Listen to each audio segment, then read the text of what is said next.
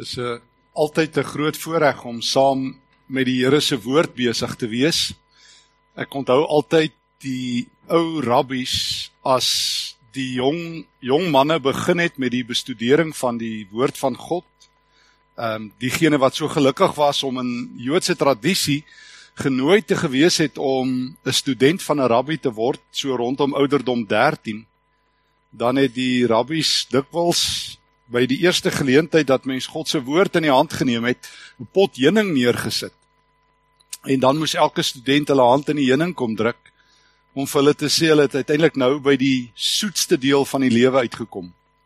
So ek wil graag sê die beste deel van jou week het pas aangebreek want God se woord is in die huis. Kom ons bid saam. Here, baie dankie dat u woord die lig is op ons pad, die lamp is vir ons voet Dankie Here dat U hierdie afspraak met ons het om met ons te praat. U die lewende God wat planete, sterre, sonnestelsels in die hand vashou. U wat ook hierdie ronddobberende wêreld van ons vashou. Dankie Here dat U dit goed dink om op hierdie oomblikke ook hier te wees. Here, U is die wêreld vol, die heelal vol. U oorspan die tyd. Here, vir U is 'n dag soos 'n 1000 jaar en andersom. Dankie Here dat ook U dan vanoggend by ons is as Here, as eregas, as die Almagtige. Here, ons wil vra dat dit vir ons inderdaad die afspraak van die week sal wees waarna ons uitgesien het. Die afspraak dat die lewende God deur sy Gees die woord met ons elkeen deel, maak dit 'n woord van lewe in Jesus se naam. Amen. Ons staan stil by twee gedeeltes in ons reis rondom disippelskap, 'n gedeelte uit Markus hoofstuk 9 by vers 33 en dan weer Markus 10 by uh, vers 35. Die uh, alle navorsing wys dat daar een nuwe verskynsel is wat groei soos 'n veldbrand en dit is die verskynsel van wat die groot woord is narcisme. Nou dit kom van die die Griekse mitologiese figuur Narcissus.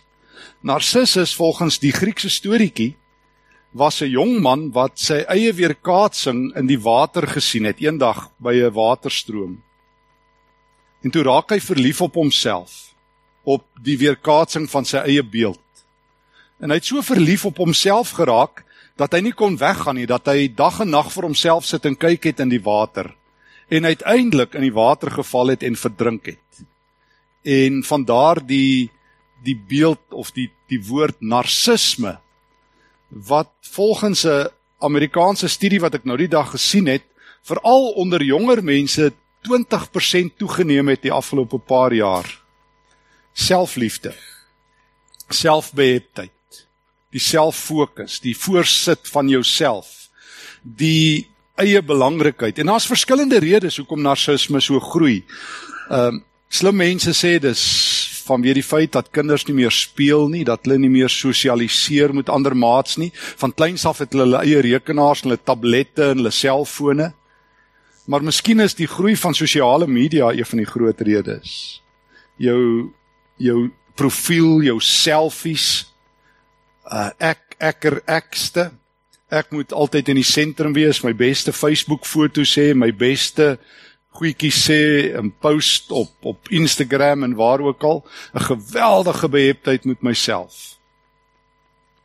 Ons leef in 'n hoogs individualistiese wêreld. Maar miskien is dit al so oud soos die berge. En hier's die ding.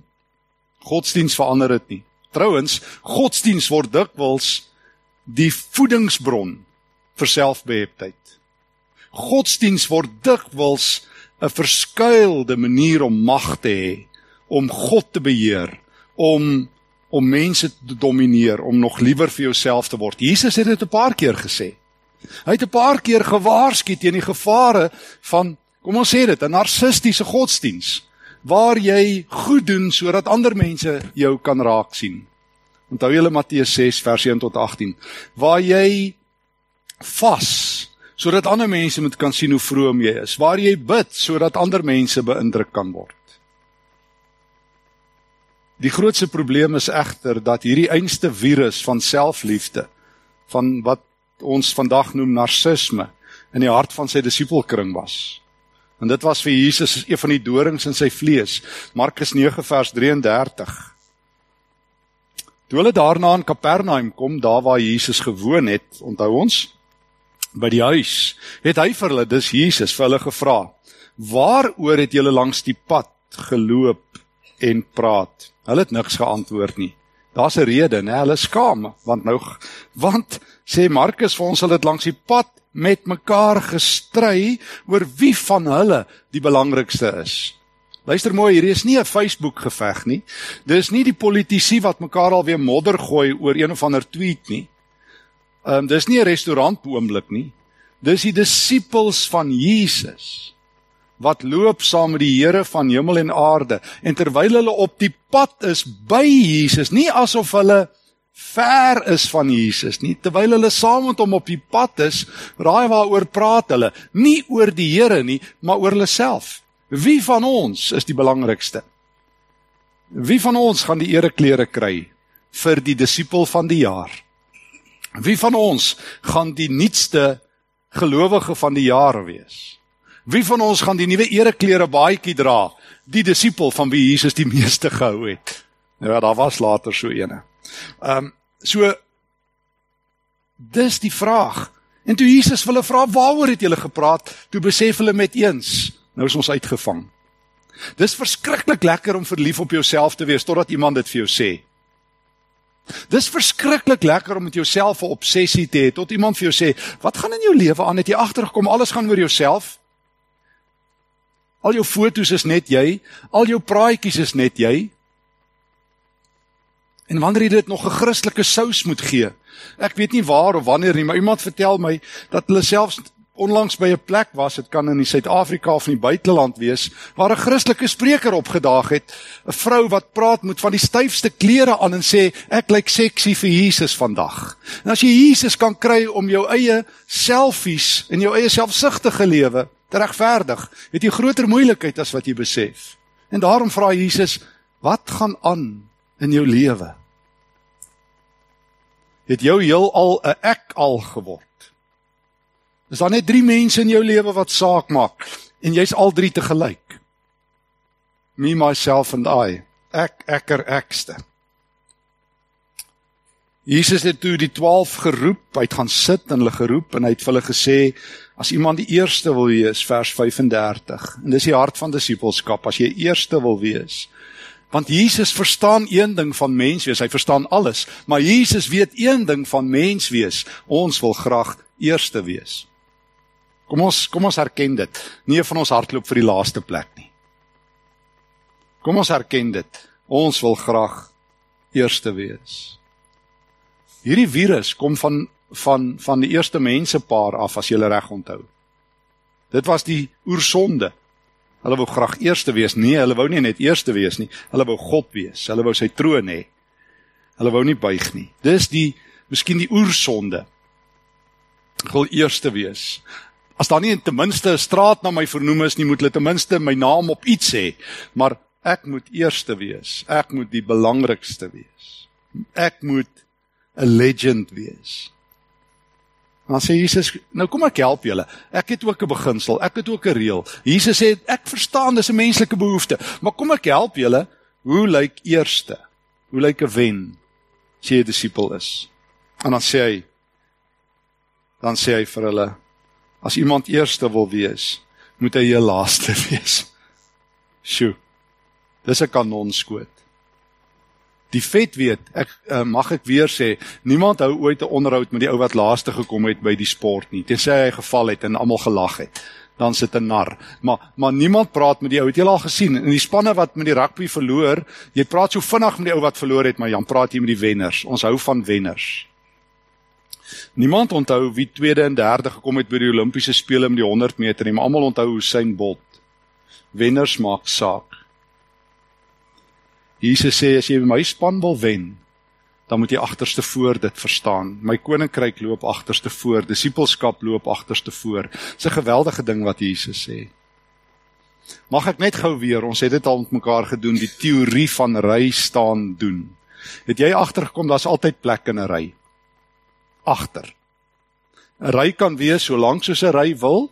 Daar's altyd plek in 'n ry agter. As jy mense in Suid-Afrika se temperatuur wil laat kook, dan dan vat jy kortpad in die ry. Ek staan nou uh, gister eers waar ek moes een vlieg en terugvlieg in 'n ry en die vliegtuig's bietjie laat en en toe sien ek ook 'n paar mense walsooi in. En dan sien ek hoe raak die mense warmer en warmer. Ek onthou altyd Koos kom bys het toe hy begin sing het 'n orkes gehad met die naam Die Warm Blankes. Toe sien ek ook van hulle daar in die ry gister. En uh En Jesus sê Weet jy wat? Ek hou vir jou plek. Weet jy waar staan Jesus? Weet jy waar staan Jesus in die ry? Agter. Daar's altyd plek by Jesus. En weet jy wie staan voor jou? Almal wat ingedruk het en almal wat dit nie verdien nie en almal wat lelik is en almal wat sleg is en almal vir wie jy kwaad is. En en ek het agtergekom in Suid-Afrika werk ry staan so, as ouens voor jou indruk, dan sien jy voordat jy jy sê hulle sleg want jy sien agterop hulle rug geteken. 'n Veerpyltjie bord met 'n kol en sê skiet my net hier. So jy moet daai ouens voor jou uit die ry uitkry. In Suid-Afrika doen hulle dit nou fisies ook. Hulle skiet vir jou uit die pad uit en hulle vermoor vir jou uit die pad uit en hulle hulle hulle verneder jou uit die pad uit. Maar ons almal moet voorkom in die ry want die lewe leer ons jy wen. Hoor die woord van die Here. Die lewende God sê, God sê jy kan agter in die ry staan jou lewe lank en wen. Dis die grootste boodskap van die Christendom wat ons nie gehoor het nie.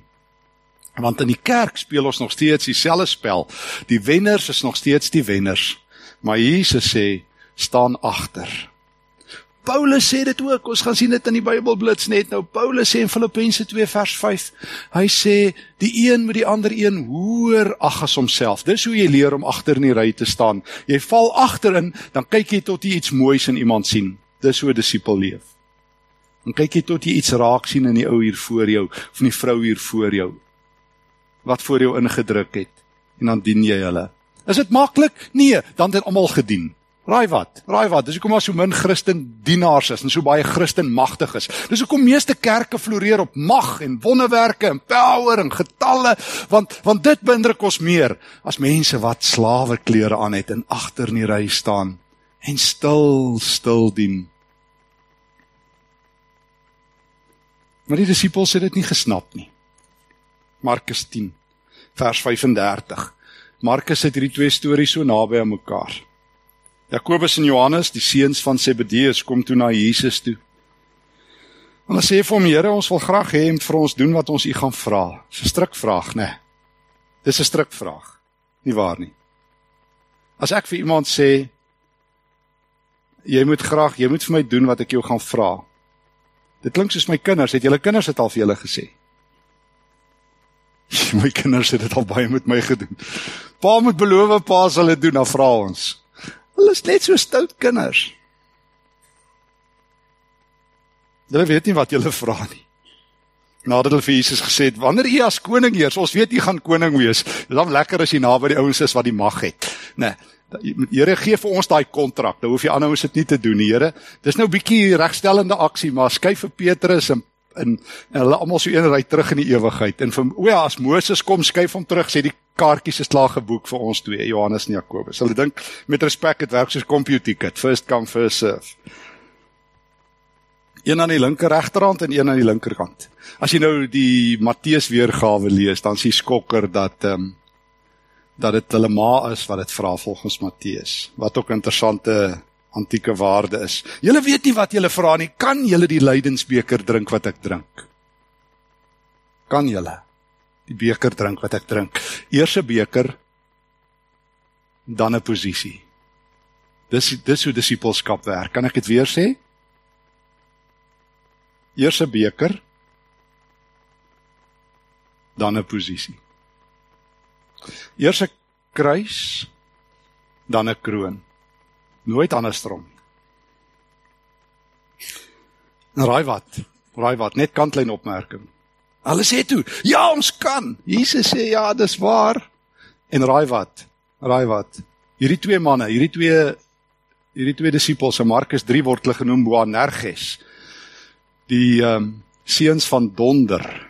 Nou hoekom noem jy ouetjies die seuns van donder? Want hulle opdaag en sê hier kom die donder weer. Dis moeilike manne. Hulle is omgesukkeld. Hulle wil beklei. Hulle bring die donder weer in 'n vertrek in. Dis weerligstrale. Hulle is hulle is vol van hulle self. Hulle is arrogant. En in daai oomblik sê Jesus, julle sal eers my beker moet drink. En raai wat, 'n paar jaar later weet onthou julle wat het met Jakobus gebeur? Julle ken mos die Bybel, Handelinge 12. Sy die tweede martelaar wat ons van weet in die vroeë kerk, word hy vermoor. Hy kort hierna, paar jaar later, hoe lank weet ons nie, gesterf. En die maar toe die ander 10 dit hoor vers 41 was hulle verontwaardig. Nou hoekom dink julle was Petrus hulle kwaad? Was hulle kwaad omdat hulle sulke groot disippels is? Nee nee, hulle was kwaad want hulle het nou al werklik waar alweer 'n korrupte ding gaan doen in die ereklere balkie voor Petrus weggeruk. En hy gaan nou hierdie jaar nie hoofseun wees nie. En sy en hy het hard gewerk daarvoor en hy loop hier naaste aan Jesus. Nou kom druk hierdie ouens in. Daar's altyd hierdie hierdie ding in die kerk. Julle dan roep Jesus hulle nader. Hy sê julle weet dat dit by die nasie so is dat hulle hulle regerders oor hulle baas speel en dat hulle groot manne die mag oor hulle gebruik misbruik. Ehm um, maar by julle moet dit nie so wees nie. As ons nou tyd gehad het, kon ons kyk in die Grieks waar daar verskillende woorde gebruik vir heers en baas speel, maar Jesus sê twee keer twee keer dat daar 'n magspel in die wêreld is. Vriende, en dit is wat nou in Suid-Afrika gebeur. Ek bedoel julle lees almal die nuus. Christene is so moedeloos, hulle gou is uit. En Jesus sê hoe meer die wêreld korrup raak, hoe meer die wêreld siek raak, hoe meer mense steel en moord en pleeg, weet julle wat moet julle Christene al hoe meer doen? Anders te leef. Anders te leef. Nou word julle verbeelding gesteel deur wat in die wêreld aangaan en julle raak ewe deprou en ewe te neergedruk en ewe kwaad en nou wil julle ook mag hê en nou vergeet dit. Hoor wat sê Jesus, moenie maak soos die wêreld nie. As jy ernstig is om my disippels te wees, luister mooi. Dit moet by julle nie so wees nie vers 43. Julle moet gekenmerk word deur 'n ander manier van lewe. Elkeen in wat in julle kring groot wil wees. Want die disippels het nie geleer nie. Johannes en Jakobus hardloop al weer vir die eerste plekke. So as jy wil groot wees, dan moet jy bereid wees om 'n dienskneg, 'n diakonos te wees. Paulus se woorde. En elkeen wat in julle kring eerste wil wees, weer die beeld, moet julle elkeen se doelos wees, slaaf. Hier's die ereplekke in die koninkryk. Dienskneg en slaaf. Weet julle wat gryp my altyd aan van Paulus se teologie?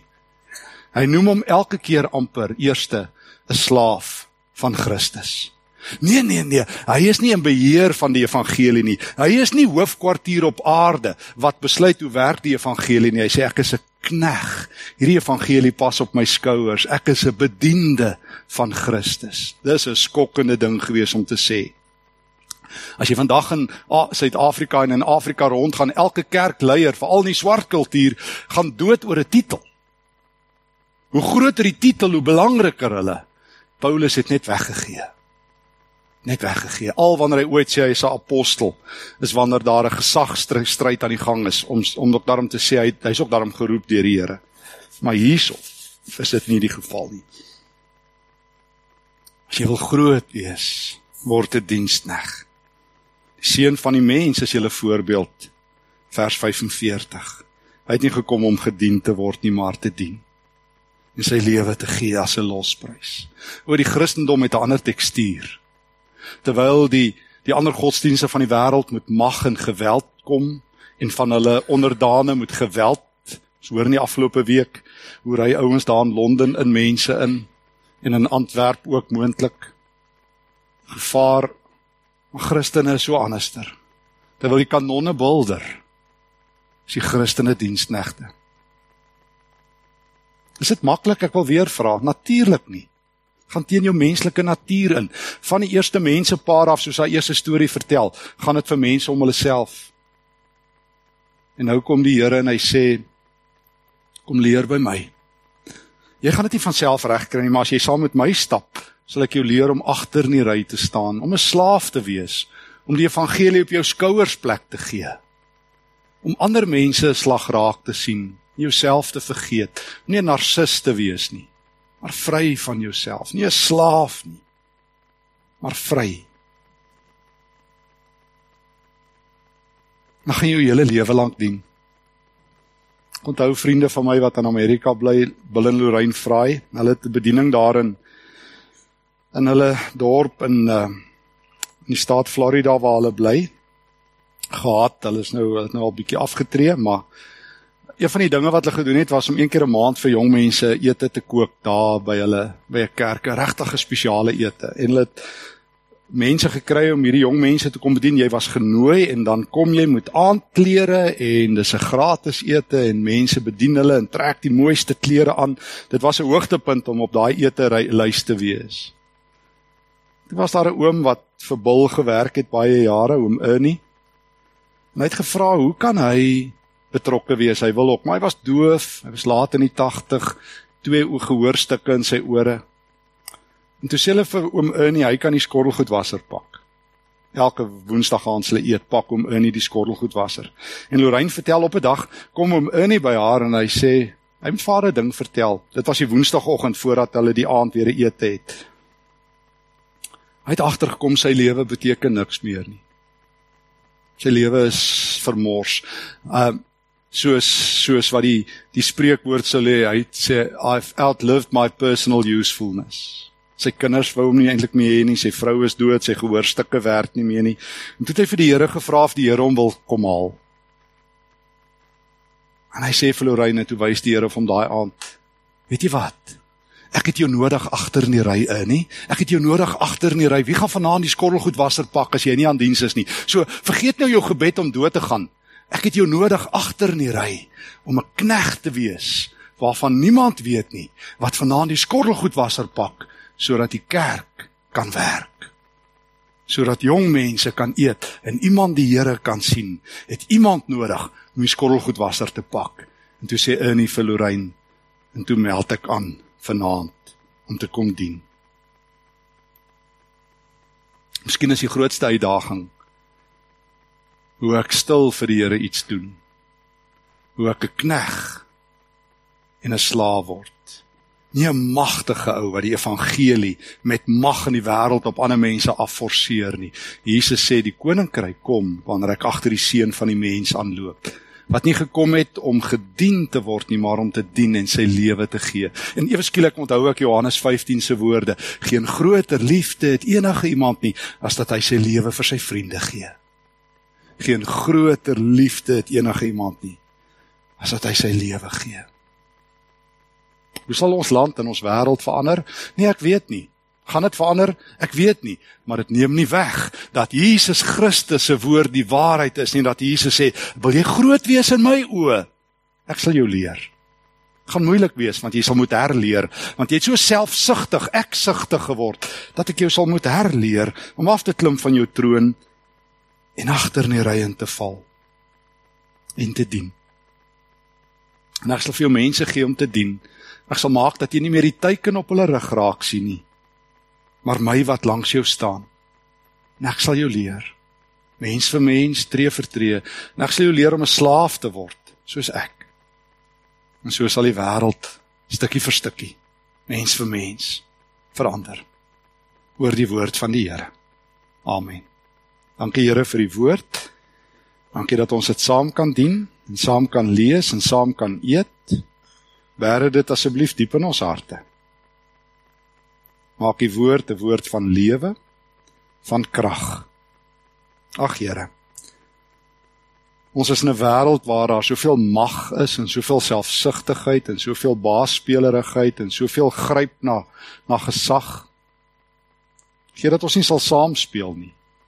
Dat ons op die maat van ander musiek sal leef, op u musiek.